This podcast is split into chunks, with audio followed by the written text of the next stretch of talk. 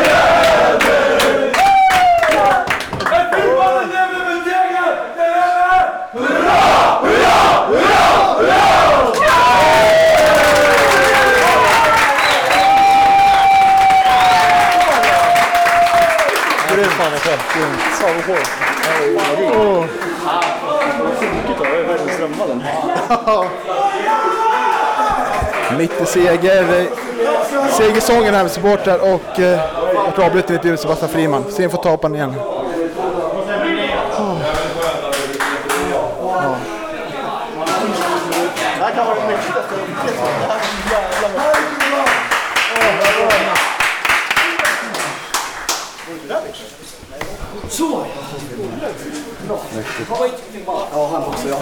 Nu lever vi! Nu var det tur att vi Grymt. Ja, får se om han kommer. Ja, bra. Åh, mitt avbruten där. Skönt segerfirande med oss supportrar och så här. Ja, vad var vi? Första hattricket. Men vad... Hur känner du själv med säsongen? Du har ju du har fått mer förtroende senare tiden. mer starter och så. Ja, precis. Nej men det är skönt. Det är alltid roligt att spela. Sen har vi haft, eh, det har väl varit mycket konkurrens här på de offensiva Ja. platserna och sen när Isak har dragit så har jag fått lite mer förtroende. Ja, hur känner du första halvlek där? Eh, nej men det känns helt okej. Det är som alltid, man behöver bygga självförtroende och komma in i det mer och mer. Jag tror det är tredje starten nu. Ja. Så det är skönt att det börjar sitta. Och eh, samarbete med Nisse då, Ja. på högerbacken där. Ja, nej, det var, idag blev det fläckfritt tycker jag. Mm. Det gick jättebra. Det känns som att ni kom igång lite mer i andra halvlek. Jo, absolut. Vad jag tror händer? att Luleå blir mer trött i andra halvlek också. Vi flyttar på dem ganska mycket och sen så Mm. får de en, men en billig straff. Så fortsätter vi pumpa på bara. Sen så orkar de inte med andra tycker jag. Nej, precis. För eh, 1 målet är lite... Vad, vad är det för typ av träff det får på? Det är en konstig träff, men det är, det är vänsterfoten. Nu vill den äntligen in. Ja, Jag har haft några lägen. Jag hade även en vänster mot Peter där som inte ville se in. ja just det. Men nu, nu äntligen. Har du, är det tvåfoten? Ah, det vet jag inte om jag kan säga. Och eh, andra målet jag försöker tänka. Hur gick det till nu? Är frisparken tror jag. Just det. Jajamän. Hade du kollat på Sebastian Larsson innan där? Ja, nej det hade jag inte gjort Nej. faktiskt. Var det, det var meningen att det skulle bli ett skott? Absolut, Ja. det var det. Ja, sen blir det ju, kommer ju 3-1 där. Otroligt snyggt kombinationsspel. Ja, jättefint. Hela vägen de bygger upp på vänsterkanten så är det Louis som bara lyfter in den så Ja. sätter vi dit den. Så onödigt spännande på slutet. Ja, det blev det. Ja. Så, det håller jag med om. Men vi lyckas reda ut det. Ja, de håller koll på det där grabbarna. Där. Ja, de gör det. Ja. ja, vi ska släppa iväg det här och fortsätta fira. Tusen tack för idag. Tack Grym insats. Tack själv. Yes, grymt.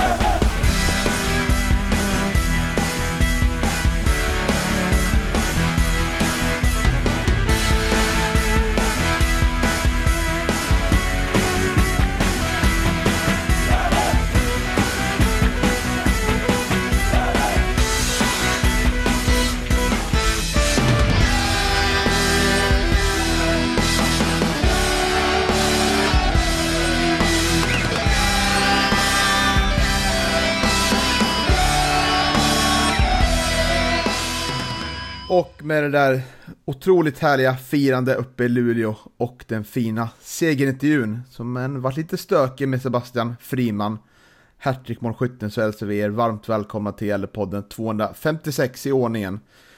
Och det är jag, Niklas Backlund här och det är Johan Norrström och så är det vår eh, gamle favorit Andreas Ström tillbaka igen. Han kommer när vi vinner. Hur är läget Andreas? Jo, jo, det är väl bra. Eh, skönt med, med en vinst. Mm. Visst är det det. Och hur är läget med dig då Johan? Jo, det är fint. Eh, su- fick ju varit lite stressigt här och svor en hel del här för att jag har lite problem med tekniken här hemma. Men eh, jag pratar via telefon så får vi bara hoppas att allting går bra. Ja, du, du är en otroligt kunnig teknisk man Andreas. Eller Johan, fan. Jag är lite Ja. trött, jag är trött efter att ha varit sovit fyra timmar natt och rattande hela minibussen 150 mil till Luleå. Så det kanske blir lite felsägningar idag, men det får ni fan ta. Ja, det var väl inte egentligen fel för jag, jag kan nog känna att Andreas är lite mer tekniskt bevandrad i det mesta eh, vet du, än vad jag är i alla fall. Det måste jag ju säga. Ja, Mm. det skulle jag säga till min fru. Gud vad hon skulle skratta. Ja. Och då är det riktigt illa här också. Här hemma de andra ord. Ja, men eh, vi börjar väl där då. Eh, 3-2. Vinst uppe i Luleå.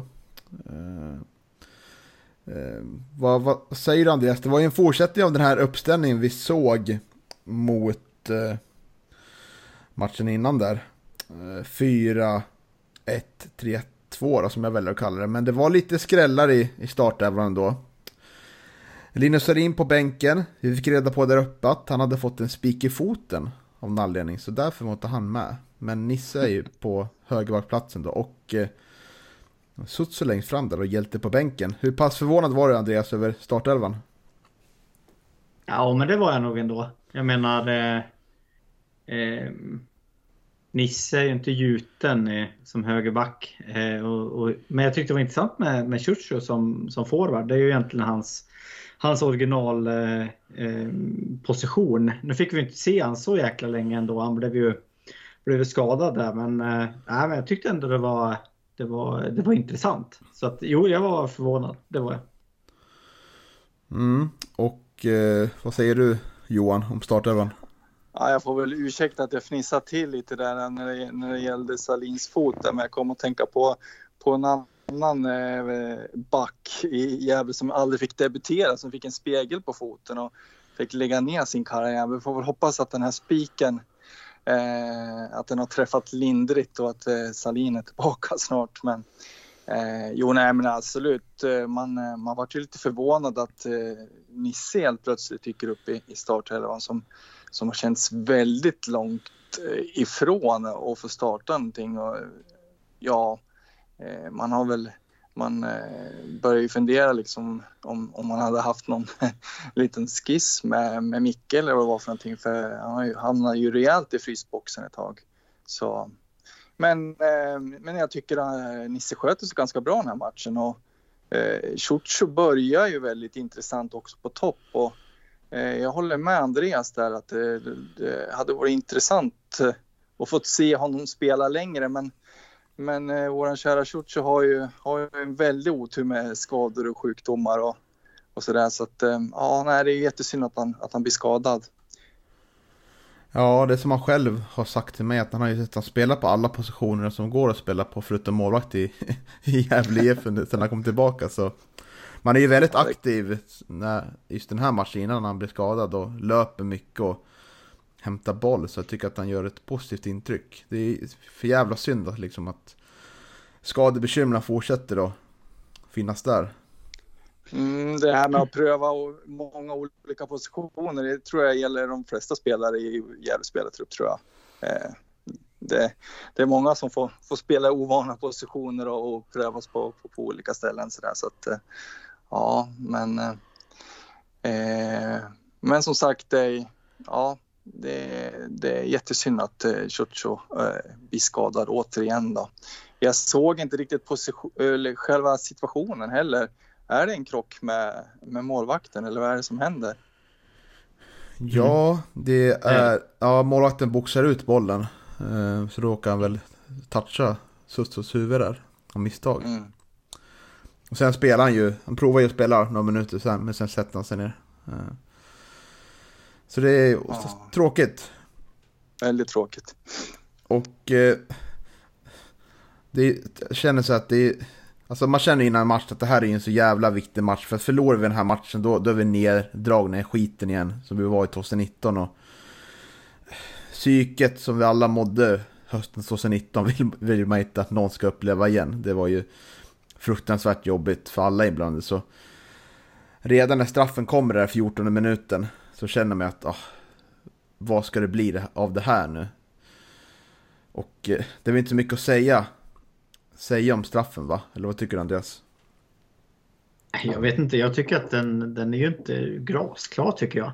Den är ju liksom, det är en kamp om bollen och, och eh, Louis ska rensa och, och han kommer framför och han sparkar ner han liksom. Jag, jag vet inte.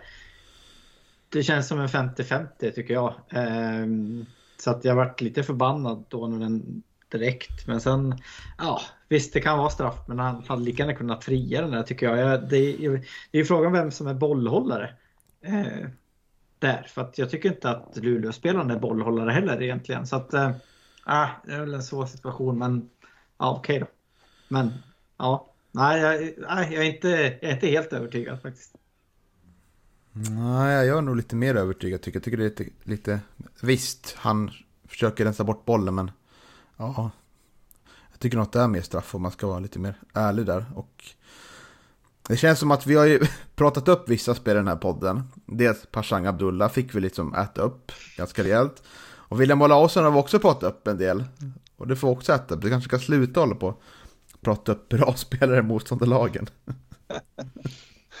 ja, Nej, men jag håller med annars. Det, jag vet, jag, både jag och Andreas minns ju den här, det här dystra året 2019 som, som jag tror höll på att ta koll på både mig och Andreas ett tag där. Eh, vet du, det, det, var nästan de vibbar man hade där efter, efter det där straffmålet. Och, eh, jag tycker väl att Gävle börjar ju pikt som de brukar göra men, men på något sätt så efter en eh, tio minuter sådär så, vet du, så mattas det av den här, eh, den här offensiven som man drar igång. Och eh, det, man spelar ganska dåligt i första halvlek tycker jag överhuvudtaget. Och, nej, jag började få som sagt lite av de här flashbacken tillbaka två säsonger här med, med och började liksom fundera lite över hur det skulle bli, hur bli om, om lagen där under strecket började komma närmare och sådär. Så att, men, men som sagt, det, det ordnar ju upp sig till slut. Vad tycker du Andreas? Vad är symptomen i första halvlek? Varför blir det som det, som det blir efter 1-0 målet? Jag tycker att det är svårt att, att, analysera faktiskt. Jag tycker att man, man, eh, man hänger lite med huvudena och sådär i första halvlek efter, efter Luleås, Luleås mål. Ehm, men det är ju det, den här säsongen har ju varit lite sån också. Att man, man, spelar skapligt och så får man ett mål i baken och så, och så blir det som att man funderar, men alltså vi, vi spelar ju ganska bra, vad är det som händer? Eh, och så den här gången reder man ut det sen som tur är, men, men jag, jag, kände lite sådär också att vad fan är det en sån här match igen nu? Som vi ska liksom, som vi ska losa och så eh, jag kollade ju på TV på matchen eller på, på GD och, och eh, det var ju inget sådär när han drog upp statistiken innan för, för både Gävle och, och Luleå så var det ju inga Luleå hade inte gjort mål på så mycket och Gävle hade inte gjort mål på bortaplan på ett jävla tag. Och så gjorde de ett, så tänkte jag nu är det kört liksom. Och det var det första man, man kom att tänka på direkt liksom. Men det är väl för att säsongen har varit som den har varit liksom. Mm. Um, och att Gävle har varit som de har varit en längre tid så, så blir man ju negativ direkt liksom. Um, men jag tycker att det, det, är svårt att analysera men det, det, känns lite som att man det blir som en chock för, för, för spelarna liksom. Mm. Ja, jag upplever att första halvlek ser ju mycket ut som det, som det gjorde mot Piteå. Att vi försöker rulla boll på kanterna men vi kommer liksom oftast inte så lång bit på deras planhalva för då måste vi då måste vi börja om. Det går lite för långsamt och det är lite, tycker jag, första halvlek brist på en kemi mellan Nisse Nilsson och Sebastian Friman. Eh, Sebastian Friman ska ju hylla för sitt hattrick i den här matchen, men jag tycker att han, han kombinerar inte riktigt bra med Nisse i första halvlek, utan ibland slås bollen från Nisse, jag tror ibland får granat och eh, då kommer liksom löpningen lite för sent för Friman. För först signalerar han att han ska gå. Sen tvekar han, sen får han bollen. Då är han inte där. Så det känns som att man vill åt hans djupledsspel. Men det klickar inte helt i, i kombinationsspelet där. Eh, vilket gör att han hamnar lite på efterkälken. Och ibland blir markerad så att han får börja om igen. Och tyvärr tycker jag väl inte att vi pratade innan om att den här det kändes som, det kändes, tycker jag i alla fall, ganska givet att Erik Garnat skulle få den roll han fick den här matchen. Men han är inte heller på helt toppar utan slår bort en del passningar och vi kommer inte alls in i centrala ytor den här matchen utan det är framförallt första halvlek på vänsterkanten med, med Albin som vi är, är mest eh, framgångsrika och det är som vi tjatar mycket om, det här inläggsspelet är inte heller jättebra första halvlek. Det blir bättre sen men Nej, alltså jag var grymt orolig i halvtid för jag tycker att det kändes inte alls som att vi, vi kom åt några farliga lägen och eh, kom fram överhuvudtaget. Men, men är det så konstigt att det ser ut så för, för Nisse och Friman då? De har ju liksom inte knappt spelat i år, någon av dem liksom. Så att jag blir inte förvånad att de inte, inte har tajmingen och inte med varann för att de, de har spelat otroligt lite båda två egentligen. Mm, ja förvisso, men jag tycker ändå att man kan man tränar ändå tillsammans. Eh, så man borde ha kunnat läsa varandra hur man vill anfalla, anfalla på kanterna sådär. Så jag tycker mm, ska Frågan är hur mycket bättre. de har tränat ihop tänker jag. Eh, och just eh, för eh, nu, nu, nu finns det väl en förklaring till att, eh, att eh, det är Nisse som får, får starta den genom att eh, genom att Salin vart skadad. Så det, tanken var väl kanske inte från början heller att vet du, Nisse skulle kliva in då, utan, utan att eh, man skulle ha haft Salin där egentligen. Eh, troligtvis då. Men nu, nu, nu hindrar ju den här eh, skadan med, med spiken i foten då. I, så att, eh, så att det kanske inte, det, jag tror nog att Andreas är inne på någonting just sådär att, eh, att det kanske inte är så konstigt att, att de inte hittar varandra riktigt i första halvlek. Mm. Men det gör de ju sen. Men det kommer till. Absolut. Ja. Eh, vi kom in i andra halvleken där och eh, 1-1 kom ju ganska snabbt. Eh, på, jag tror, visst är det så att det är ett slarv av uppspel från, från Luleå va? ja, precis. Jo, men det stämmer. Mm. Ja, vad tänkte du säga Johan? Ja, nej, men också att man för en gångs skull eh, när man vet du, faktiskt bryter bollen att man, att man eh, startar ett ganska snabbt anfall där. Eh, när man har brutit det där uppspelet och inte, inte liksom börja, börja den här det här eviga bollandet i sidled och, och, och bakåt som, är, som vi har sett alldeles för mycket av den här säsongen. Och, Eh, jag upplever väl att det överhuvudtaget att Gävle blir lite rakare i andra och eh, jag misstänker att det är någonting man har talat om i paus också. Mm. Den här andra halvleken skulle man ju ha som en instruktionsvideo hädanefter, tycker jag. Eh, på hur man, hur man faktiskt ska spela för att, för att göra mål. Ehm, för som Johan säger så man blir ju mycket, mycket rakare och, och när man vinner bollen så, så lyckas man ju kontra. Alltså, nio av tio gånger annars så tycker jag att då, nej, det var inget bra läge. Vi vänder om och så börjar vi om och så får man möta ett, ett eh, samlat försvar hela tiden. Här, här händer det ju faktiskt saker liksom. Mm. Och framförallt tycker jag 3-1 målet är ju en skolbok till hur vi bör anfalla när vi kommer med fart. För där kommer Erik Granat med fart där, han släpper upp bollen till Albin som eh, passar in bollen där och då har vi många i straffområdet som jag faktiskt tycker vi är i den här matchen också. Och där höll du inte med mig Johan förra matchen. Vad tycker du om den här matchen? Var vi tillräckligt många i straffområdet? Ja men eh, absolut, eh, det tycker jag ju. Men eh, det största problemet var väl förra matchen är det att vi förvisso var många eh, i straffområdet och att man fyllde på. Men, men att det, det själva Fallen gick ju så otroligt långsamt så att eh, alla som hade löpt in, de stod ju still när, när inläggen kom och eh, då är det ju liksom svårt att skapa någonting. Eh, plus att eh, liksom Piteå också har en 5, 6, 7, 8 man liksom i straffområdet. Det blir ju väldigt trångt och det är väl eh, precis eh, som du sa också att vet du, det, det här sista målet är väl egentligen ett skolexempel på hur man bör anfalla för att eh, eh hur det än är så eh, possessionspel är, är ju bra, alltså man, man kan vila med boll och, och, man kan ha liksom kontroll och så. Va? Men, men de allra flesta målen i, i vet du, modern fotboll, den görs ju faktiskt på omställningar och kontringar och så. Och inte liksom när man spelar ifrån från egen målvakt hela vägen upp och, och gör mål. Liksom. Det är inte så det ser ut. Och, eh, ehm, jag vet att det, eh, det har ju varit mycket liksom ifrågasättande av just det här possession-spelet på, på forumet och det är väl många som undrar lite vad, vad, liksom, eh, vad tanken är med, med det här eviga bollandet i, i sidled och tillbaka och så.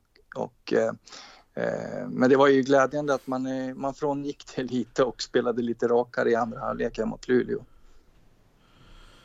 Mm, absolut. Och eh, ja, det leder oss fram till 2-1 målet där. Sebastian Friman igen som överlistar målvakten med en riktigt snygg frispark där. Och eh, otroligt oväntat. Det är ju fantastiskt att han faktiskt får ta den. Eh, det finns ju andra som brukar ta frisparkarna eh, i Gävle så jag blev lite förvånad att han, att han fick ta den faktiskt. Och eh, han får ju gärna ta fler om man, om man gör sådär.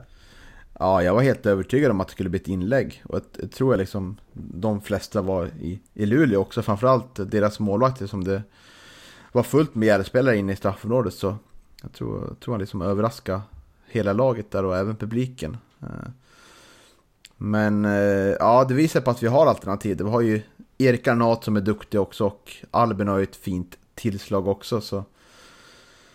Mm, annars är det väl Sandlund som brukar eh, norpa åt sig de flesta av de där frisparkarna. Känns det som att Sandlund är den som skjuter lite längre utifrån va? Granat lite sådär på mellis men då kanske det var Friman när det är nära då istället så då finns det ju tre olika alternativ där. Det är ju bra. Ja, ja det är väldigt bra.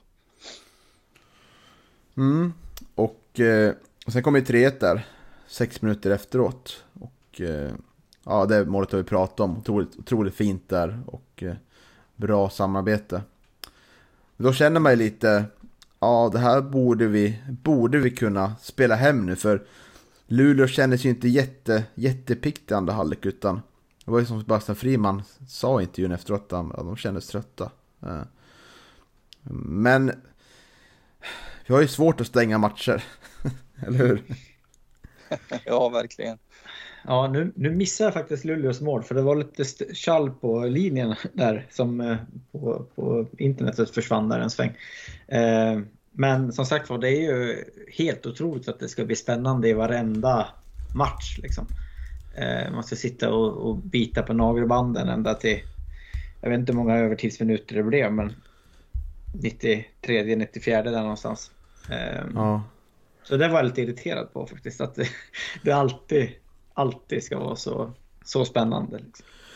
Ja, och det var ju flera situationer jag tyckte det var lite småfarligt när vi fick eh, fasta situationer emot oss där. Mm. Och det är ju liksom ett, det är ett orosmoment för Ja, dels så kommer väl inte Tim upp jättebra. Får inte bort bollen, men så dels blir ju Jag tror eh, mittbacken där eh, litar väl på att Tim ska få bort den. Och det gör ju att Ja, de blir helt rena där. Jakob Johansson Inga där som Som gör målet va? Mm. Ja, precis. Ja. Jo, exakt. Och det är väl egentligen eh, Markström som inte riktigt talar om att han, att han går, ska gå efter bollen. Och det där har vi sett någon gång tidigare också. Jag har nämnt det där för dig Niklas. Att, vet du, jag tycker att det är så konstigt att inte Markström talar om att han, att han ska gå på bollen. Liksom, att eh, liksom, ropa till rejält. Ja, målvakt liksom.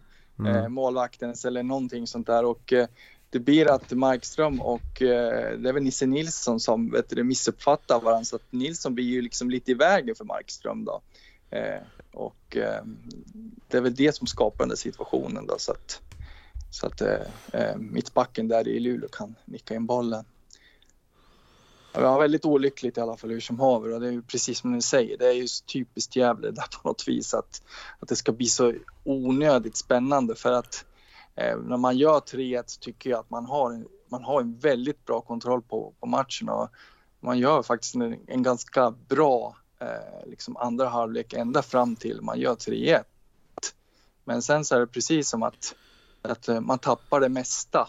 Ja. Nu har man ju ett par riktigt fina lägen, framförallt Leo Englund eh, blivit en riktig målsumpare den här, den här säsongen. Han har ju en i stolpen där och, och så har han ju ett avslut där alltså, som, som man, eh, jag menar en, en målskytt liksom, en skarpskytt med självförtroende. Han, han smäller ju in den där men nu blir det liksom att han, det blir bara några sådana halvföser och några halvskott och något sånt där.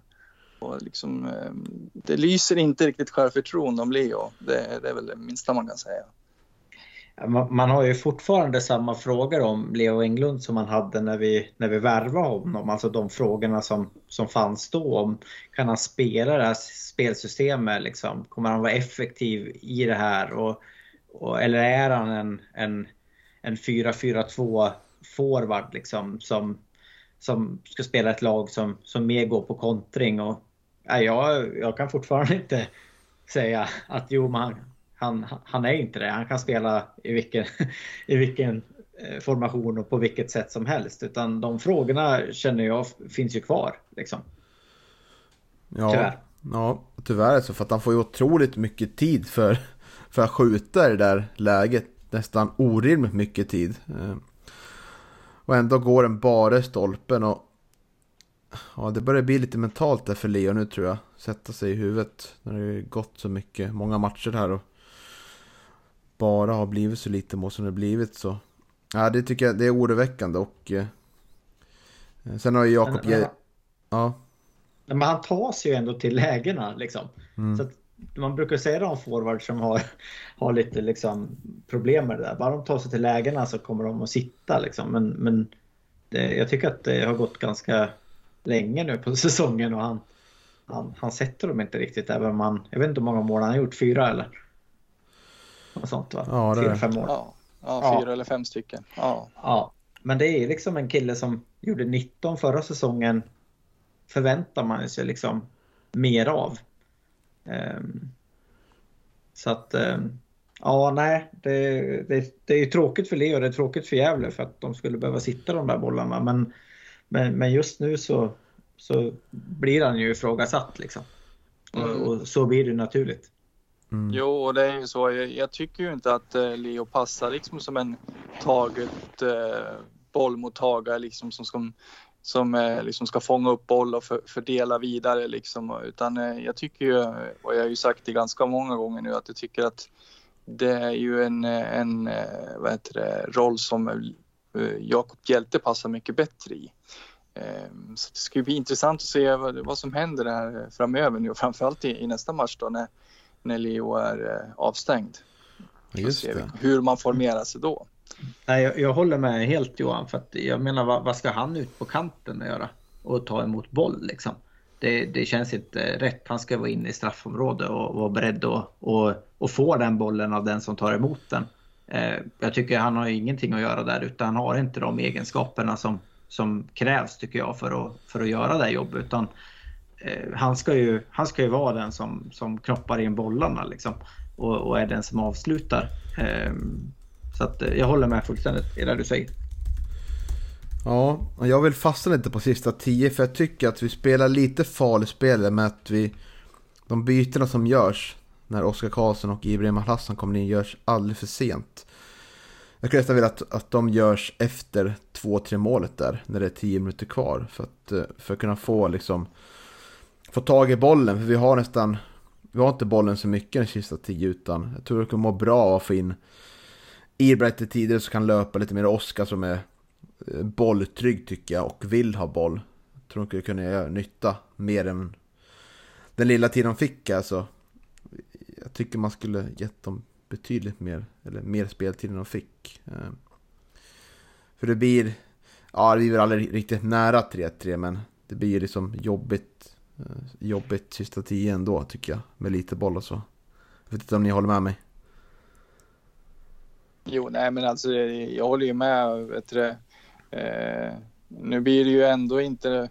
Alltså, man, man plockar in Oskar då, som, som naturligtvis är vet du, duktig defensivt och, och bolltrygg precis som du säger. Men, men eh, Al-Hassan är väl kanske inte så otroligt bra liksom, defensiv spelare och eh, det blir liksom lite obalans och det, det är väl det är väl, eh, jag satt ju och tänkte helt ovetandes naturligtvis om att eh, Salin eh, var skadad och så tyckte jag att det var lite konstigt att, att man inte bytte in Salin då, men eh, nu vet jag ju varför då, men, men eh, det är väl någonting som, som vet du det, är ganska typiskt för den här spelartruppen och som vi har diskuterat så många gånger, det är ju att typ, otroligt mycket forwards och offensiva spelare i den här spelartruppen då, men, men det finns inte så mycket defensiva, duktiga defensiva pjäser på bänken som man kan byta in. Och det, det, det kanske är en anledning också att det blir så oroligt liksom de här sista tio. Eh, kan jag tycka och jag tycker väl att det är, en, det är väl lite där man förlorar matchen om, om jag vill gå tillbaka lite. Det är lite där man förlorar i matchen mot BP också liksom på slutet att, att man, eh, ja, man har liksom inte de här defensiva eh, spelarna och, och byta in sådär på slutet om, om man nu liksom ska slå vakt om en poäng eller så där. Eh, så att ja, nej, det, den är lite obalanserad den här spelartruppen och nu, nu, nu, nu lånar man ju in ytterligare en forwardspelare egentligen, en offensiv spelare. Då, men, ja, men jag tänkte på, ni som är lite mer insatta än vad jag är nu för tiden, men eh, Nils Eriksson, och vad, är, liksom, vad är statusen på honom? långt borta eh, efter vad jag hörde sist här. eh, Det, och det är samma sak med med med Kristoffer Eriksson också som, som har en, haft en historik med, med mycket eh, ja, hjärnskakningar och så här sen tidigare i karriären också. Så att ingen av dem där är väl liksom ser, ser väl ut som att de kanske kommer att spela någonting den här eh, säsongen. Då. Och Jag deras tänker- kontrakt går ju dessutom ut också, båda, både Kristoffers och, och eh, Men jag tänker, jag tänker liksom om de är sjukskrivna eh, så borde de inte kosta så mycket i lön och då borde man väl ha kunnat plocka in ersättare för, för dessa kan man ju tycka. Eller ser man det som att man spar pengar då eller hur liksom? Ja, nej, men det är väl en, eh, det är väl en fråga vi får bolla över till Micke nästa gång vi pratar med honom. Det, det, det är en intressant frågeställning just vad, vad som eh, ja, sker ekonomiskt kring, kring de här två. Eh, som, för som du säger så borde de ju borde väl de få pengar från Försäkringskassan nu och inte liksom vara avlönad av klubben. För jag menar, hade inte Hansemon gjort det så bra som han har gjort så, så då hade det ju liksom varit riktig kris bland, bland mittbackar tänkte jag säga. Så att jag, jag tycker att det är lite, lite konstigt. För skulle en gå sönder så då, då, då får man det svårt om det går sönder en till. Eh, defensiv spelare. Mm. Ja precis, nu har ju Linus eh, Salin som sagt fått en spik i foten också så att eh, han har ju haft en jäkla otur just med, med försvarsspelarna. Det, det såg ut att ha riktigt många av dem när säsongen började men eh, de börjar ju som sagt ligga droppa av här eh, en efter en så att ja, nej, det är, en, det är, det är en intressant fråga och nu, nu är väl dessutom transferfönstret stängt också så nu, nu, nu kan man ju Precis. förstärka. Men eh, jag tänkte att satt han på bänken, Salin, så kan det inte vara så farligt. Känner jag. Eller jag hoppas det i alla fall. Att han, då måste han vara skapligt kry i alla fall. Ja, han gick, han gick runt där. Han hade pratat med några supporter halvtid så. Eh, så det, ja.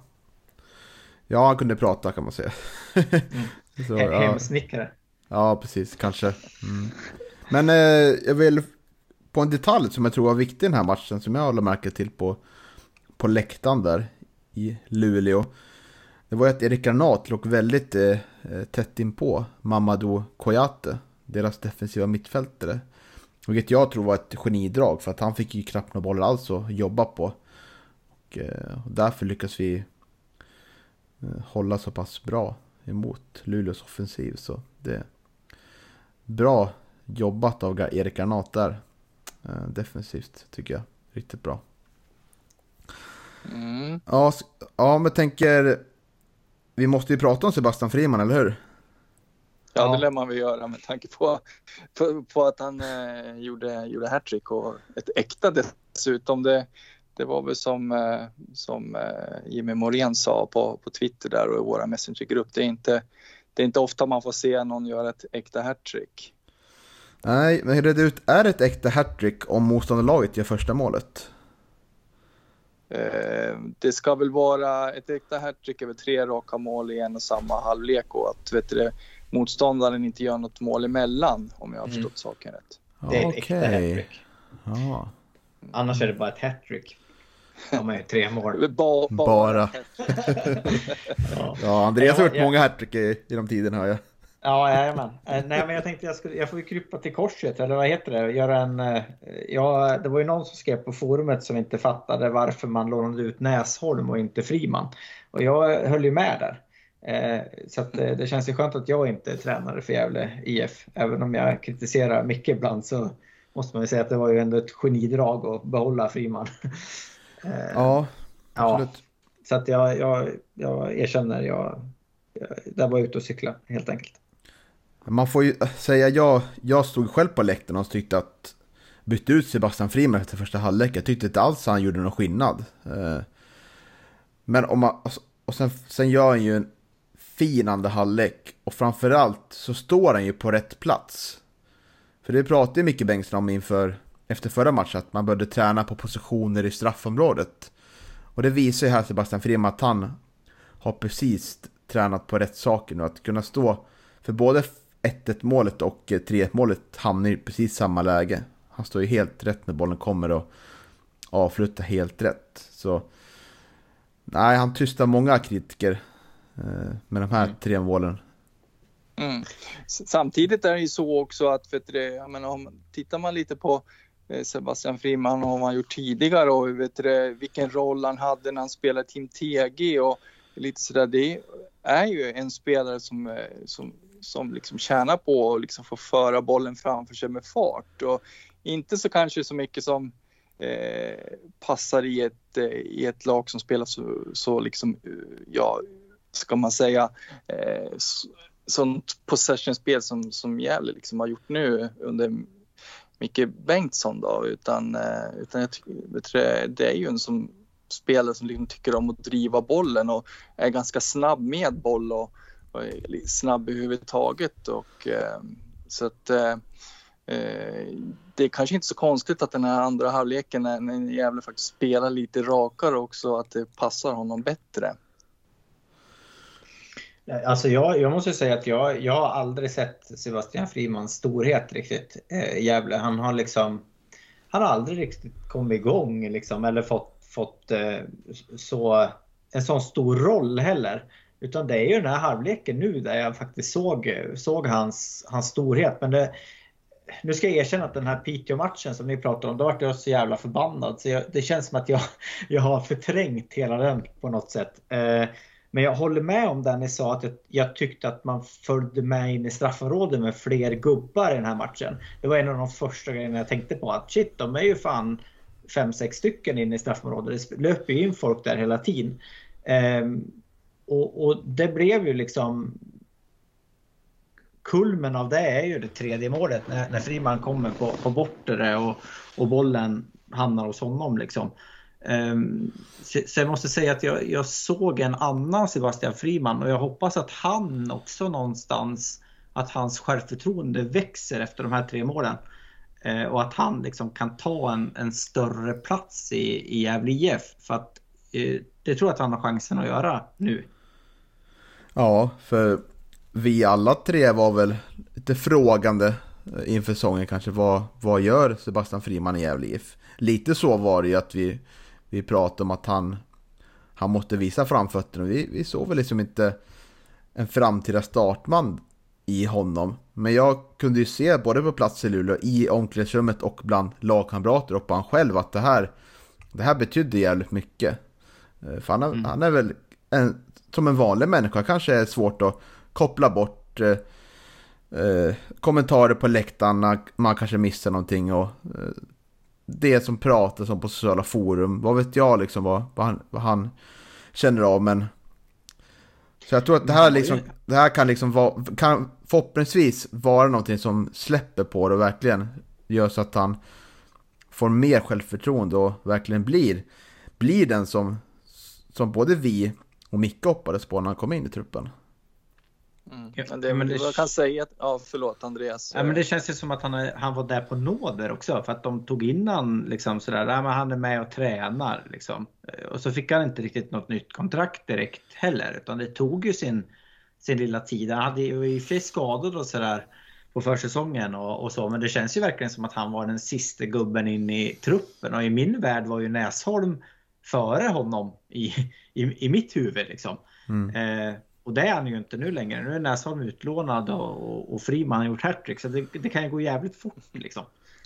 Ja, nej men det är som du säger till, till vårt försvar också. Det, och det, jag tycker väl att det är ändå befogat att, att vi ställer oss de där frågorna för att han, eh, han var ju skadad i stort sett hela förra säsongen. Och, eh, det är väl inte så konstigt att vi ifrågasätter det. det, det och det är ju svårt för oss att veta liksom Eh, status på honom och, och, och sådär eh, naturligtvis. Så det är väl inte så konstigt att man, är, man ifrågasätter eh, att man, att man förlänger med honom då. Utan man hade väl kanske tänkt så här och kanske ville haft lite andra spelartyper i, i truppen än, än det liksom. Man tyckte väl att man tyckte väl ändå att det, det som liksom Friman hade och det som man visade upp i, i, i Team TAG och det, men det fanns, finns ju ganska mycket liksom av, det, av den spela liksom typen av, i, i truppen redan då så att eh, eh, så det är kanske inte så konstigt att vi ifrågasätter kan jag tycka. Nej, absolut. Men som sagt vi har ju inte sett där, där de kanske såg eh, eh i, i Tim Tege säsongen han var, var där liksom. Det har han ju aldrig visat så att eh, nej, men jävligt roligt tycker jag för, för Friman att, att han, han kan visa, visa oss och, och sina kritiker att han, han, han kan göra mål. Mm, absolut. Ja, så fick vi en ny bekantskap också. Eh, Gustav Nord hoppade in i matchen. Vi kan väl börja med, vad, vad, tycker du Andreas om det här transferfönstret då? Som nu är avslutat vad gäller IF. Jag tycker att det är lite skralt. Eh, det, det, tycker jag. Eh, jag tycker att ligger man där man ligger eh, Gävle, man har sålt sin sin bästa målskytt, eh, i alla fall förra året, eh, så tycker jag att det, det, är lite skralt. Jag tycker att man, eh, man måste försöka komma så högt upp i tabellen som det bara går. Och sen är det en fjärde plats då det är en fjärde plats då har man tagit ett steg. Det går inte att säga det att nej, men vi, vi sitter och spar pengarna istället och så hoppas vi att vi kan klara oss kvar och så satsar vi om något år istället. Eh, det funkar liksom inte för mig. Jag håller på Gävle IF och jag vill att Gävle IF ska vinna så många matcher som det bara går. Då kan man liksom inte snåla tycker jag. Ehm, det är som, som vi pratade om det här med, med skador och, och sådär. Det, det borde ju vara, vara lönebortfall då på två spelare. Sen vet inte jag hur mycket det är. Men, men nej, jag tycker inte... Det, alltså man kan inte resonera riktigt, riktigt så. Eh, utan det finns ju folk som, som går och kollar på, på Gävle och, och vill betala för en biljett och, och, som, som vill se, se att man gör allt för att, för att vinna. Liksom. Eh, om vi ska prata om Gustav så, så är det en väldigt intressant spelare som jag hade velat att man hade, skulle ha värvat från början. Eh, när han var och provspela eh, med oss för något år sedan. Nu får man in honom på lån. Han kanske inte visar jättemycket i den här matchen men det är ju en, en, en väldigt intressant spelare för, för framtiden. Eh, sen blir väl det kanske i Varberg sen i framtiden men, men eh, han kan säkert hjälpa oss med en del mål, det tror jag. Mm. Mm. Johan? Ja, nej, jag, jag, är väl enig med Andreas. Jag tycker väl att det är lite skralt. Uh, nu, nu det enda huvudspåret som man, som man har hört det är att man har jagat en eh, ersättare till Isak då, alltså en, en forward. Det, och det är väl det, det, Micke, det enda liksom Micke har talat om egentligen vad som, som, som man har velat haft in då och eh, nu har man väl, eh, hade man väl varit i kontakt med, med tre spelare här ganska tidigt när fönstret öppnade men det vart väl eh, nej från samtliga tre av olika anledningar. De, de hittar väl alternativ i, i, i, bättre klubbar och högre upp i seriesystemet och om jag förstod saker rätt och så. Då. Men, men eh, nog skulle jag vilja haft in en, eh, hade väl haft förhoppningar på att man skulle ha försökt eh, värva någon, eh, någon eh, central mittfältare också, någon bolltrygg där, någon, någon liksom man skulle behöva ha en, liksom, en ny eh, fältherre där på det centrala mittfältet eh, eh, som, som är bolltrygg och passningssäker och sånt där. Och det, det har jag ju pratat om och tjatat om.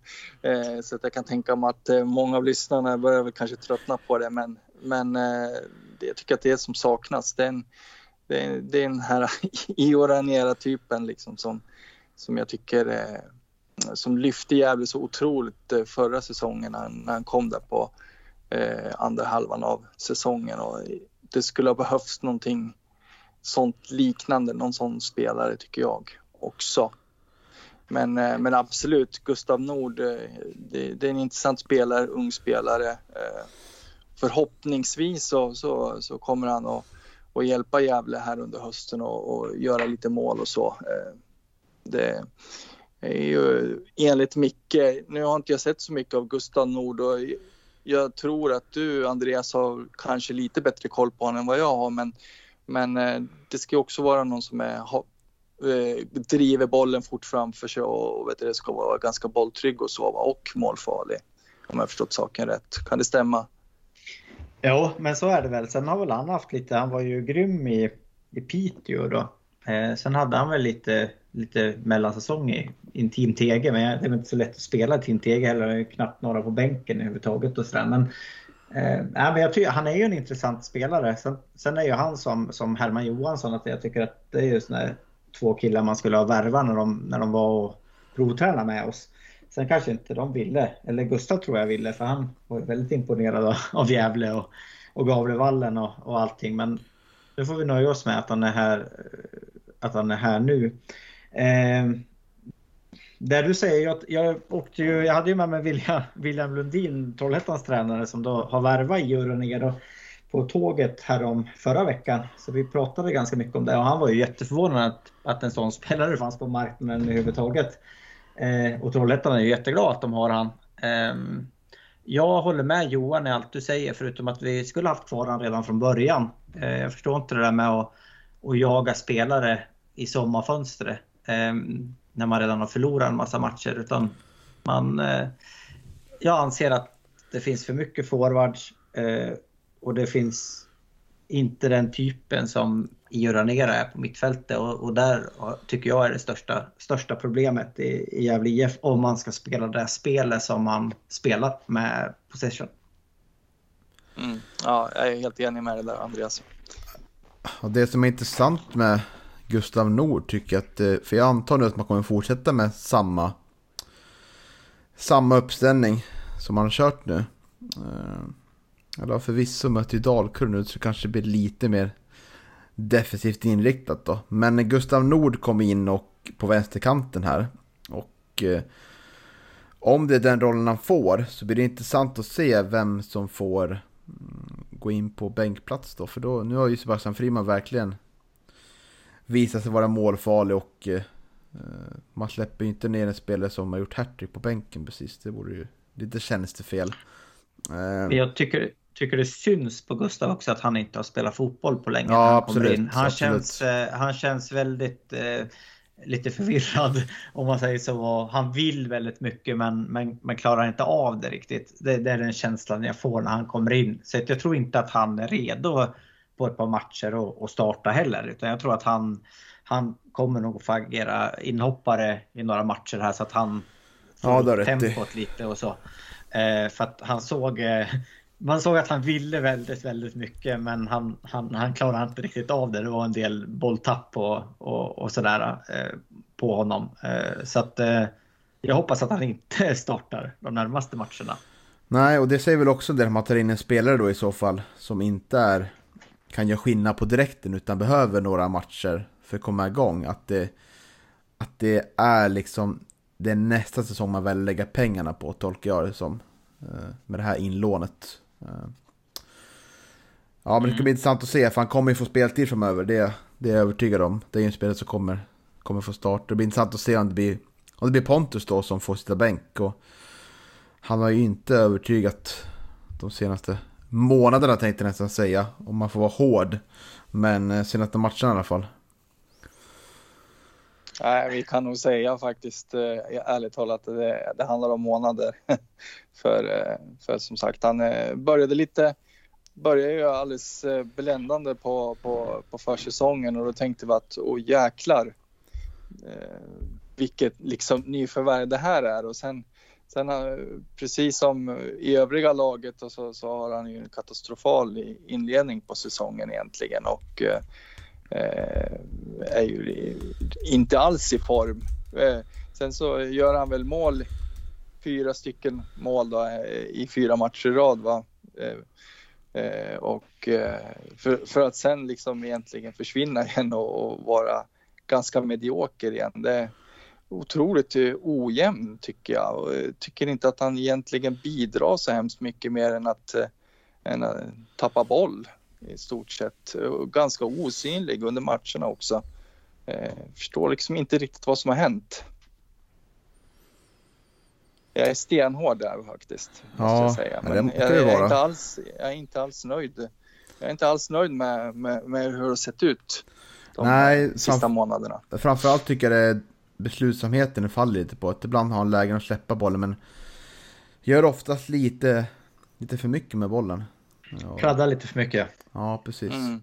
Och det är väl kanske genomgående. Jag tycker att det gäller ganska många spelare vet du, i Gävle också. Att det blir lite för mycket eh, bollkontakter innan, innan man släpper den ifrån sig. Och det är väl just därför, därför man upplever att tempot blir så lågt också. Eh, att, eh, det är ju så. Ska man ha ett ett, ett possession-spel eller ett anfallsspel som, som fungerar och som gör att man får få motståndaren i rörelse så måste man ju liksom släppa ifrån sig bollen tidigare och det är ju liksom en eller två touch, inte fyra, fem som det är i, i vissa fall. Nej, precis. Eh, jag, jag har en fråga. Eh, mm, fråga jag på. Får bryta in. Nej, men jag, jag, tänker, när ni pratar om det här så tänker jag lite på, på Näsholm. För att förra säsongen på slutet så tyckte man han var så jävla bra. Kommer jag ihåg. Man tänkte så här, jäklar vilket eh, genombrott och allting. Och sen börjar den här säsongen, då värvar man in Pontus istället som liksom tar Näsholms plats på något sätt. och så är han helt iskall liksom. Och sen har han hoppat in några matcher här på slutet Näsholm. Och så blir, man, blir han utlånad till division, jag kommer inte ihåg vilken klubb det var han varit utlånad till nu. Eh, Stöde IF heter den. Precis, i division 2. Mm. Eh, och då blir man lite så här, eh, liksom, vad hände där egentligen? För jag menar, på slutet av förra säsongen så, så kändes det som att Näsholm liksom var på G och, och, och ta en startplats i Gävle och han gjorde mål och han var liksom snabb och frejdig och liksom, man tänkte så här, "Åh, fan det där kommer nog att bli något. Och så helt plötsligt så försvinner han. Och nu var, är det Pontus då som kom in och så tänkte man så här, jäklar vilken spelare.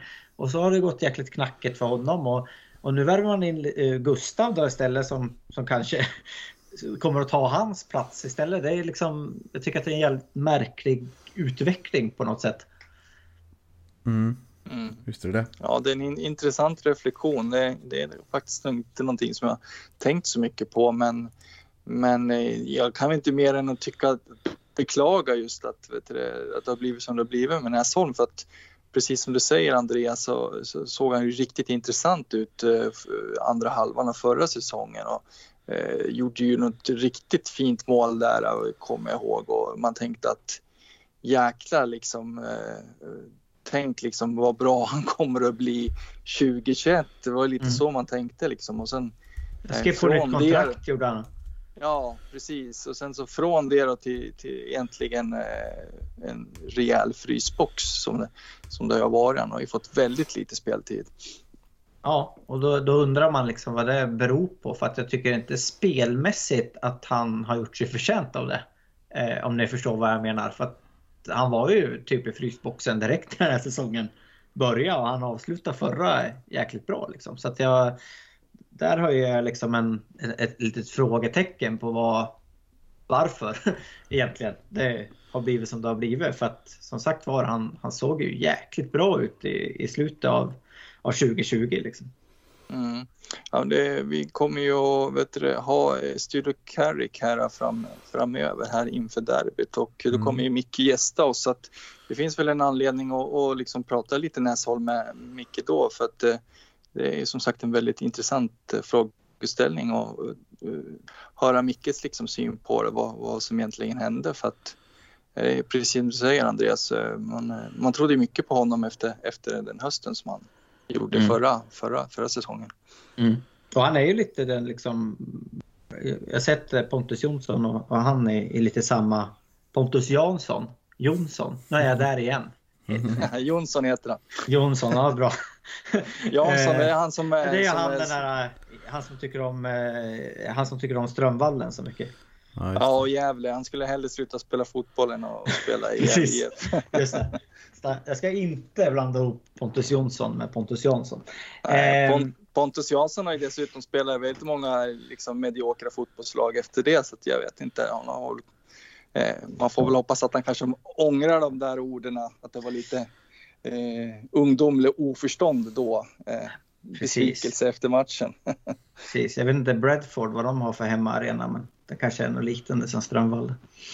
eh, ja, nej, men jag, jag placerar dem lite i samma fack. Det är sådana där eh, lite snabba tekniska killar liksom. Men det, det verkar som att vi byter ut dem lite titt som, titt som tätt. Och det, nej, men ställ den frågan gärna till Micke. Absolut. Men eh, jag tycker vi rör oss framåt mot kommande helg. Men vi kan väl summera att det är steg framåt, den här tre poängen. Otroligt välbehövlig. Spelet sitter väl inte 100% än. Men det är tre poäng in på kassan. Och Johan Norrström sa inte Axel Näslund den här gången, vilket också är ett steg framåt. Eller hur Ja, Johan? du ser. Det, det, är bara, det är fin utveckling på det mesta här. Ja. Eh, Ja, vi kan, vi kan konstatera att Gävle lär väl lyfta sig betydligt eh, om man ska kunna rå på eh, Dalkurd som man möter eh, nu på lördag. Ja, och det är ju ett Dalkurd som spelar mot Umeå igår, söndag. Eh, och eh, det blev resultatet som, som ingen Gävle-supporter, Umeå eller Dalkurd-supporter vill ha. Det blev 1-1, vilket gör att de har nu åtta poäng upp till kvalplats Dalkurd, där Sandviken ligger. Eh, och det är ju tyvärr så, om man talar om man låtsas vara Dalkurd-supporter nu, att det är alldeles för mycket avgjorda matcher. Det är ju 16 matcher, det, men det är bara två förluster. Med sex avgjorda, åtta vinster. Och eh, som jag sagt tidigare att eh, jag tycker ju av lagen vi mött så tycker jag att Dalkurd har, har nog den högsta, högsta nivån när allt sitter. Eh, så det, och vi kommer ihåg matchen på, på Galovallen där. Eh, otroligt eh, intensiv match. Eh, det, är väl, det är väl en av våra bästa halvlekar i år. I alla fall. Ja, det är ju en match med två helt olika ansikten. Det, det, det är Gävle egentligen det bättre laget i första halvleken och där det, det totalsvänger till, till, till andra halvlek och Dal, Dalkurd tar över helt och eh, vinner väl faktiskt rättvist om man ska vara eh, om man ska vara lite sådär ärlig. Vad slutar matchen? 2-1? Ja, 2-1 Ja. Dalkurd. Ja, det är också så när man var förbannad, kommer jag ihåg. Mm. Ja, det var sent, Ehm. sent avgörande kommer jag ihåg, tror jag. Ja, precis. Jag, jag tror faktiskt att Gävle passar Dalkurd ganska illa, faktiskt. Mm. Det känns som att vi, vissa lag eh, passar varandra illa. Jag tror faktiskt att Dalkurd inte gillar eh, oss så mycket. Eh, och det var väl lite så de, de Ja, det var blotta förskräckelsen att de kom iväg med en vinst överhuvudtaget där, kommer jag ihåg. Eh, så att eh, ja, jag är ändå smått positiv. Mm. Mm, det man kan ta tala om Dalkurd är väl att de inte gillar så många lag överhuvudtaget. det brukar vara ganska irriterat i, i nästan varje match. Jag tycker att det var det genomgående när man eh, det, har kollat på, på Dalkurds matcher. Jag har väl sett en del här under säsongen och det, det var det ganska irriterat i de flesta av dem. Men, och, men ibland har de ju liksom tjänat på det. Jag, jag minns att det, i, i matchen där på Gavlevallen så liksom då, eh, då var ju Gävle så otroligt mycket bättre tycker jag i stora delar av första halvlek och leder ju också i, i paus eh, med, med 1-0 och sådär. Men, men liksom, det är precis som att Dalkurd liksom ilsknar till och liksom kommer ut arga som bin och just i den matchen så, så, så tjänar de just på, på, på, på liksom att vara lite irriterad och på dåligt humör och sådär. Men, men sen har man ju sett andra matcher som, som exempelvis när man får stryk eh, på, på Järnvallen mot Sandviken då, liksom just det där att eh, det, det ligger det i fa, de i fatet ställer just det att, liksom att, att de blir liksom irriterade och retar upp sig och sådär. Men, så att det, det verkar kunna vara åt båda håll. Mm. De har ju oftast tagit ledningen i sina matcher. Det jag har kollat in. Och, men man har ju väldigt svårt att stänga matcher. De släppte in ett sent mål mot Umeå här igen. Eh, Gjorde att man tappade en trea. Eh, Så det är ju, det är ju liksom högt tempo och det kan ofta vara bolltapp som gör att man släpper in mål. Så eh, det blir intressant att se hur, hur, hur vårt Gävle ställer upp. Vad tror ni? Kommer, han, kommer Micke våga spela den här 4-1-3-2? Eller kommer man gå tillbaka till 4-4-2 eller 3-4-3? Vad tror du Andreas? Jag tycker att det är svårt, men alltså i en, en sån match så, så borde ju det borde ju vara Dalkurd som håller i bollen. Eh, jag tycker man ska ta med sig andra halvleken ifrån eh, matchen mot Luleå. Eh, och, och, och tro på, på det spelet liksom. Hur man ställer upp, det är ju...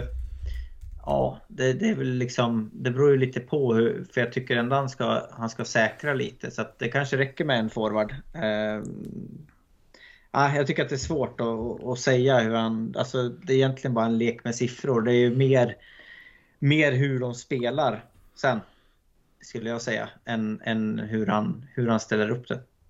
Mm. Sen är det så här, hur många spelare är tillbaka nu och vilka spelare har han? Eh, Leo var avstängd va, eller?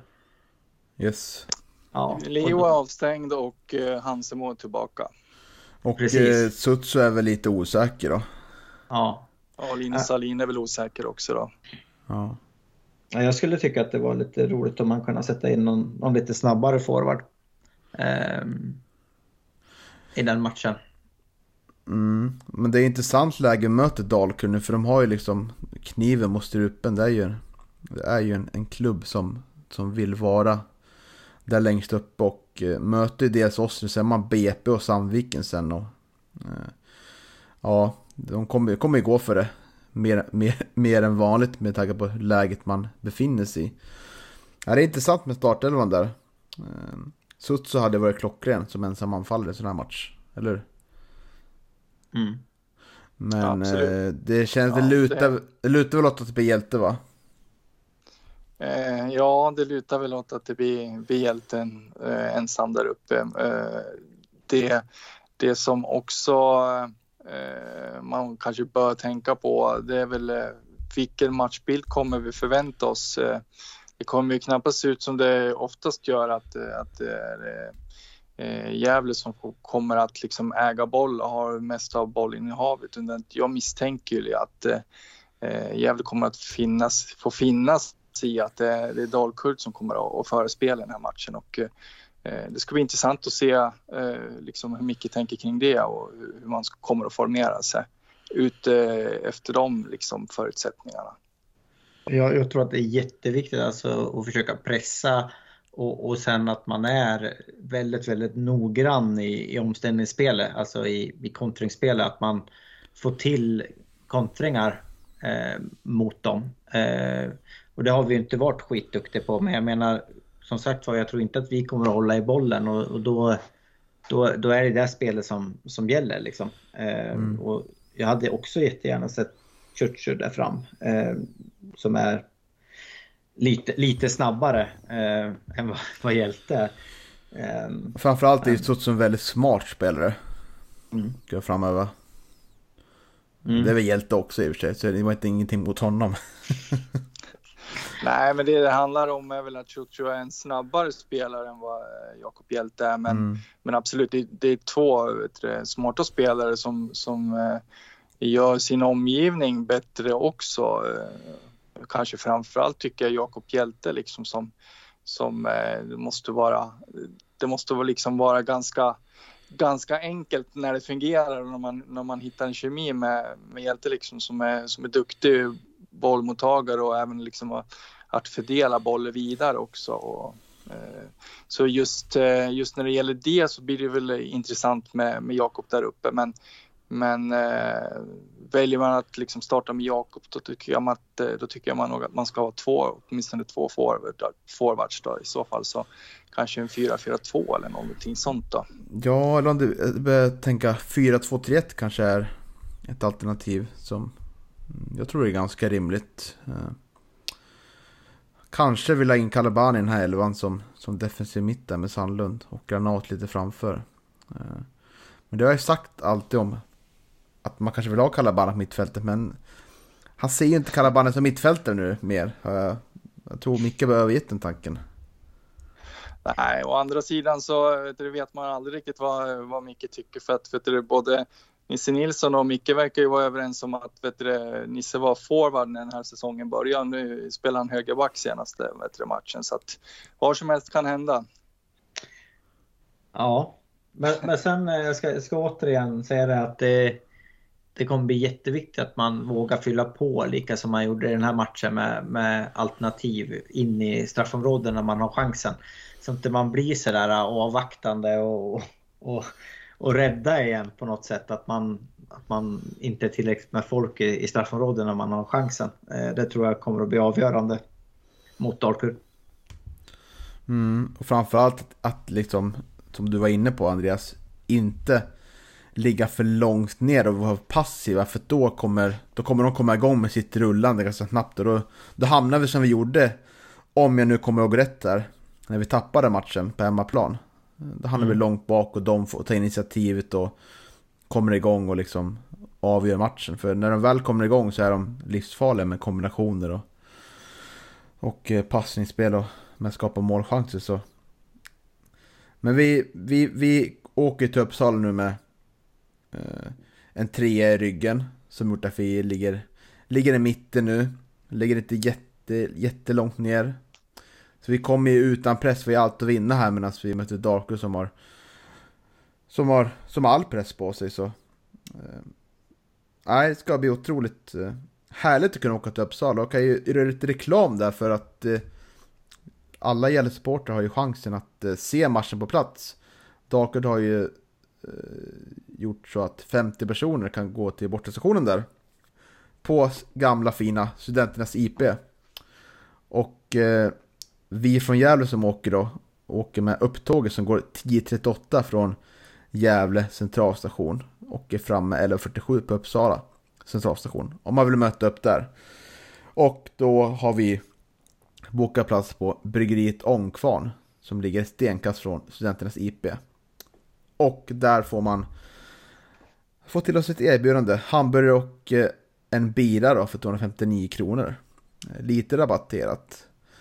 Eh, vill man ta del av dess, detta då så kan man beställa på plats. Eller om man vill få början klar då.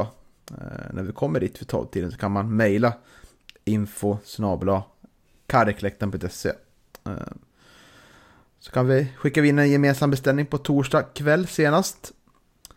Och det finns även en biljettlänk på karreklekten.se om vi vill förköpa biljetter. Hoppas vi säljer slut på 50 platser. Det ska bli jävligt kul faktiskt. Eller hur? Mm. Grymt. Hur känns det då Niklas att få vara på plats igen? Måste jag ju fråga. Ja, men det är ju härligt. Vi har ju... mm, Jag har ju varit på, får se, Örebro, Syrianska, Piteå och Luleå nu och det, det är ju en helt annan känsla och en vinst är ju otroligt härligt borta, det är sedan på plats. Samtidigt som en förlust är otroligt jobbig när man var på plats. Men det, det visar att det är ju mer känslor. Eh, kan nog tala för alla som har varit iväg på matcherna nu, Liksom att det, det blir mer känslor och det var otroligt härligt att kunna fira med, med grabbarna på plan senast och verkligen känna liksom vad det betydde för, för oss och för dem också. Du, du sa det innan vi tryckte på play här att, eh, att du, ni åkte fem på morgon på söndag morgon och var hemma halv tre på, på måndag morgon. Ja, det stämmer. Ja, hur hade det känts med, med en förlust liksom? Nu tror jag att det var jobbigt ändå, men vad, vad är liksom skillnaden skulle du säga? Ja, nej, det hade varit otroligt jobbigt. Eh, Ja. Det, så, det hade man hela veckan varit förstörd tror jag. Nu liksom har man sovit fyra timmar, man kan ändå gå, gå med, ett, med ett leende när man vaknar på morgonen. Så, eh, nej, det är otroligt. Eh, det var allt tack, tack vare Sebastian Friman. Vilken hjälte. Ja, det har ju varit lite, alltså vi har ju haft tur då, du och jag Niklas, som har liksom kunnat fått komma och varit på plats och sett matcherna, men men eh, det är ju en helt annan skillnad när, när man, man får eh, liksom stå på läktarna igen. För att eh, eh uppe på pressläktaren så, så lär vi ju liksom hålla lite fan på oss ändå. Även fast eh, vi, vi hade lite svårt emellanåt och att det var lite klagomål på, på oss emellanåt för att vi, att vi, vi visade lite för mycket känslor åt, i, åt fel, i fel riktning. Då. Det Men, var nog mest klagomål på dig om man ska vara ärlig här va? Ja, jo, precis. Jo, Nej, jag men må- det är ju så. Jag är lite... Eh, jag blir lite hetlevrad när jag ser på fotboll. Är det så att det är Gävle-supportrar som vill sätta sig ner bredvid Johan Norrström så är det en upplevelse faktiskt att se fotboll ihop med, med Johan. Så det, det brukar finnas platser runt om han, så det är bara att sätta sig ner och, och lyssna. Ja, The show must go on.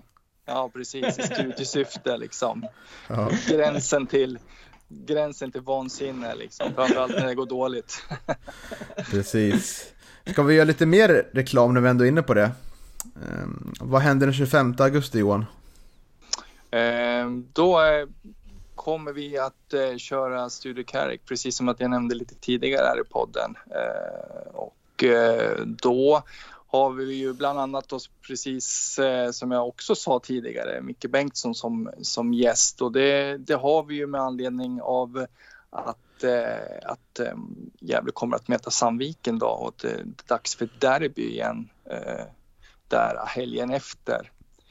Och eh, i övrigt så har vi väl inte riktigt eh, klart med gäster va? Eller hur ser det ut nu Mm, Jo, Niklas? vi har klart med Leo Englund och eh, Linus Alin. Ja, ja men du ser. Ja men Ja. perfekt. Härligt. Så blir det väl någon till tänker jag. Mm. Och vilken tid skulle vi köra? Visst sa vi klockan 18? Ja, precis. 18 till, ja, två, tre timmar max så tänker vi. Mm. Men lite för, sänds på YouTube, vår YouTube-kanal.